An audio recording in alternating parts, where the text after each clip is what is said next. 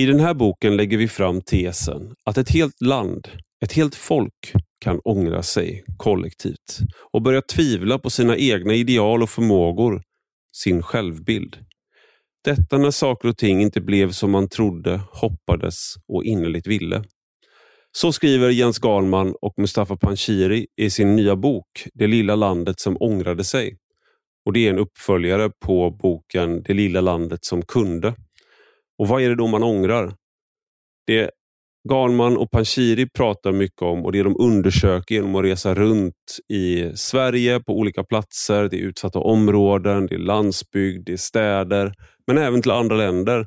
Det de undersöker är hur har Sverige hanterat den snabba demografiska förändringen som har skett de senaste 10 åren, 20 åren. Det man ångrar då har att göra med den väldigt stora invandring, särskilt under 10-talet och 2015 som då var migrationskrisen. Hur hanterade vi det? Hur hanterar vi vår självbild efter att vi har stramat åt? Vad innebär det med svenskens syn på sig själv att vi nu är ett land som har en strikt migrationspolitik? Åtminstone om man ska lita på vad den tidigare regeringen sa att de hade gjort. Egentligen så skulle jag kanske presentera Jens Galman och Mustafa Panshiri lite mer utförligt, men jag tror att de allra flesta som lyssnar vet vilka de är. Och Gör ni inte det så föreslår jag att ni går in på Sista måltiden som är en podd där Mustafa Panshiri är med och lyssnar på den. Och Jag föreslår också att ni går in på jensgalman.substack.com där man kan följa Jens Galmans väldigt roliga och satiriska skriverier. Men nu ska inte jag prata mer, för det gör jag tillräckligt i den här podden ändå. Vidare till dagens gäster. Du lyssnar på Rak Höger med mig, Ivar Arpi.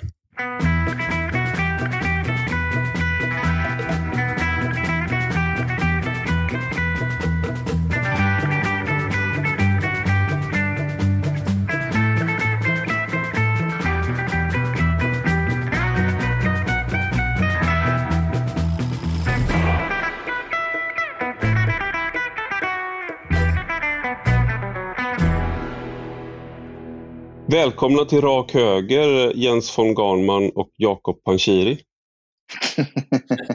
Tack. Hej, hej Ivar.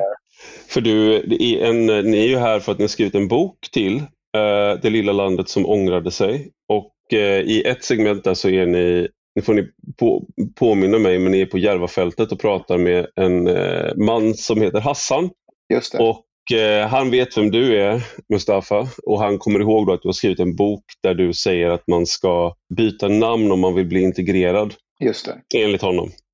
Mm. Och Jens, är, och Jens namn, är jätteglad. Ja, precis. Ja, Jens tycker det var jätteroligt. Han kallar det för byta namn-boken. det mm. Jag tycker du ska döpa om nästa, om du gör en ny upplaga. Det är den här sju råd till Mustafa som du har översatt till alla världens språk vid det här laget. Va? Eller hur, hur var det? Ja, somaliska, arabiska, dari. Just det, för du lyckades. Du hade en sån eh, crowdfunding ja. och fick ihop pengarna till det.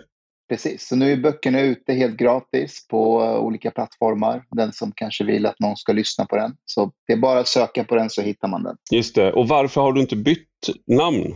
Ja, jag har fått...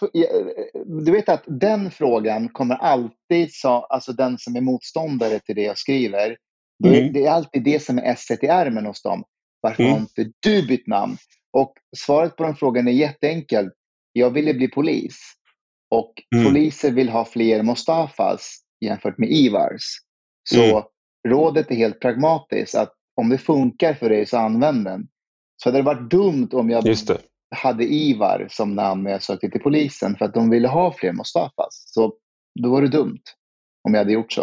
Okej, okay, så du, du valde att behålla Mustafa istället för att döpa om det till Jakob som du hade tänkt Precis. ett tag för att du ville bli polis? Ja, och rådet är verkligen ju om det, om det underlättar dina chanser att få jobb eller bli kallad till intervju om det heter något mer västerländskt namn så kan du lägga till ett namn? Men jag behövde inte det för att jag, polisen sökte fler Mustafas. Och Det här är också då ett råd till alla er som vill bli poliser eller eh, kanske brandmän och har svensk etnisk svensk bakgrund är att döpa om mig till Mustafa. Så det är, ett råd, det är ett råd som går i båda riktningarna kan man säga. Helt rätt. Helt rätt. Men i den här boken som ni har skrivit så åker ni runt, träffa människor och egentligen det det, det handlar om är ju en, ja, en utforskning av var Sverige är 2023. För det är ju det är lätt att fastna mentalt i olika konflikter som man har varit väldigt involverad i. Till exempel migrationsdebatten 2015 eller liknande. Men det här är väl på något sätt, ett bokslut är det, är det väl inte, men det är en skildring av vad, vad står vi nu ungefär. Jag tänkte bara vi kan börja med det enklaste och det är titeln Det lilla landet som ångrade sig. Varför valde ni den titeln och vad betyder den? Ja, man kan först se den här boken tror jag som en mellanakt om vi nu måste sätta en etikett på den. För att vi har redan pratat om att vi har en avslutande del. Det här är del två, en trilogi. Mm. Men vi fick en känsla av att, eh, inte bara på grund av valutgången, att många i Sverige hade ångrat sig och att det kanske hade gått lite fort. Och det är som du säger Ivar, det är väldigt lätt att man fastnar i, i migrationsdebatten med här invandring, att allt handlar om det. Det gör det mm. faktiskt mm. inte, men det är klart att mycket är kopplat till det. Så den här ången, som är en väldigt komplicerad känsla, en väldigt privat känsla för de flesta att ångra sig, den tyckte vi att vi såg på många ställen i samhället, så det är väl därför. Man brukar skilja på skuld och skam. Och att skuld är när du har gjort någonting fel, en handling och du ångrar dig, då känner du skuld. Och det är någonting som ni tar upp då i boken, att det är där inom kristendomen till exempel, att du då kan du inleda en botgöring Eh, Medan skam är mer en social känsla. Att det är liksom som att eh, den här känslan när man drömmer. Eh, att man går runt, man går till skolan eller jobbet och sen visar det sig att man har glömt att ta på sig byxor till exempel. Då känner man skam, inte skuld. Kanske borde känna skuld också, jag vet inte. Eh, är det där en återkommande dröm för dig, Ivar? Jag, jag, jag återupplever gamla bravader kan jag säga. Mm, jag eh, sanddrömmar. Jag skulle vilja fråga Mustafa, apropå just det där du sa nu. Eh, för det här spelar vi in några dagar efter att Mustafa varit med i SVT och debatterat en del av de här ämnena. Och Mustafa låg i bild på ett, ett, vid ett tillfälle där han kanske inte riktigt förstod att han var i bild. Och han lutade sig framåt över, över bordet och såg väldigt uttråkad ut och stödde eh, handen i, i ansiktet. Efter en stark inledning, gav du upp där Mustafa? Jag har inte hunnit fråga dig det än. Jag ångrade mig. Du ångrade dig för att du, ja. varför? Berätta det då. Nej, men jag, jag, jag, jag är ju väldigt naiv. Varje gång jag blir bjuden till, eh, till Sverige möts så tänker jag, ja men nu, nu tror jag att det kanske håller på att vända. Nu, nu. Men varje gång jag kommer dit, det är, det är en repris på det som har varit de senaste 20 åren. Eh, det är samma grejer. Jag, jag skämtade med mig själv innan på, på tåget på väg dit och tänkte, tänk om någon skulle ställa frågan, är jag svensk? Eh, mm. till, någon sverigedemokrat. Och såklart kom ju den frågan. Det, var precis så. det blev precis ja. så. Ja, var det, det den här liksom... folkutbytesdebatten eller debaclet som det har varit den senaste ja. tiden? Alltså programmet handlade ju om gäng, gängkriminalitet. Men på slutet mm. så, eh, så visade de en tweet av Jomshof. Då. Han var ju också med i programmet. Och så skulle mm. Jomshof och Shekarabi debattera lite om det där med, ja, eller de skulle debattera Jomshofs tweet då. Mm. Eh, som handlade väl om det här ja, Kalla fakta-programmet om, om folkutbyte. Men jag har aldrig fått riktigt, egentligen kan man ju säga att ni åker runt då i, i landet och eh, Eh, det, det, är ju liksom som en, eh, jag vet inte om ni använder ordet folkutbyte någon gång i, i eh, Nej, boken? Vi, vi, kallar det, vi kallar det för superdiversitet. Nej, det gör vi inte mm. heller. Nej, det gör vi inte heller.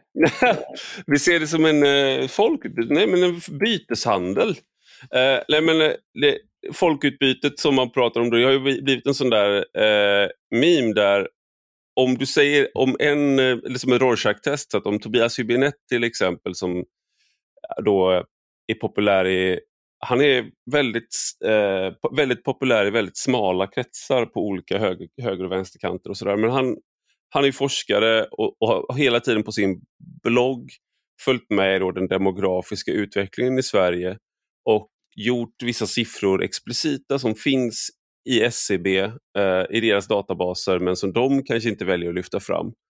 Och när det är någon från vänster som lyfter fram det här, som Tobias själv till exempel, då handlar det ju väldigt mycket om att vi måste, så här, den här mångfalden präglar Sverige nu. Vi måste leva med den och vi måste ha politik som tar hänsyn till det. Och Han vill ju bland annat införa kategoriseringar baserat på människors eh, rastillhörighet. Eller han kanske väljer hudfärg eller etnicitet. Men han vill att hudfärg är någonting som ska synas i den offentliga statistiken till exempel. Men när någon från höger gör det, eh, då är det en konspirationsteori. Det, var inte, det här är inte anledningen till att ni ska vara med i podden. Nu är det som att jag har tagit er gisslan istället för att ta upp folkutbytesteorin. Men vad, hur gick debatten nu? Det var faktiskt Jens fel. Men, alltså, det var väldigt gick... intressant. Vi kan prata om den tycker jag lite. Mm, Ingen ja. Jag har inte hört någon annan prata om det här programmet som var på många sätt. Både, det var ju liksom en, en, en lite blåkopia på andra program. Jag tycker att den var väldigt intressant ändå, så vi kan väl prata lite om ja, men Programmet handlade ju som sagt om gängkriminalitet. Mm. Eh, och eh, Det som slog mig är att, att tyvärr så är SVT Möts och det här debattprogrammet, det är ett utdöende medium. Det, det, eh, man pratar mycket om polarisering och, och, och, vi mot dem, men jag tror att det, det, formatet skapar just den polarisering som den sidan är rädda för. Så, och det är inte en slump eller att, att programledare Magnus Thorén lämnar nu för att gå till Kvartal och, och, och mm. syssla med, med poddar och annat med så här långformat. Liksom, där man inte bjuder in åtta, nio personer som får tre minuter var under en, en, en timmas program för att prata om ett, ett ämne som gängkriminalitet. Mm. Um, men hur menar du att det bygger på polarisering? Nej men alltså bara du sitter bakom kulisserna eh, så, så, säger man ju, så säger producenterna och så att nej, men, ni får inte prata med varandra om ämnet ikväll. För mm. det får inte bli så att ni är överens om någonting utan ni måste hålla era ståndpunkter så att det blir bra tv. Mm. Eh, bara det, men också det här, alltså det här vi gör nu, det är något helt annat. Men vi har ingen tid att passa egentligen, vi kan prata om saker och ting. Drar det iväg så har ju inte eh, Ivar något schema som ah, men nu måste vi byta ämne för att jag måste gå igenom det här jag skrivit här. Utan vi, vi, vi kör ju på. Så funkar mm. det ju inte i de här programmen. Studio 1, Debatt, P1.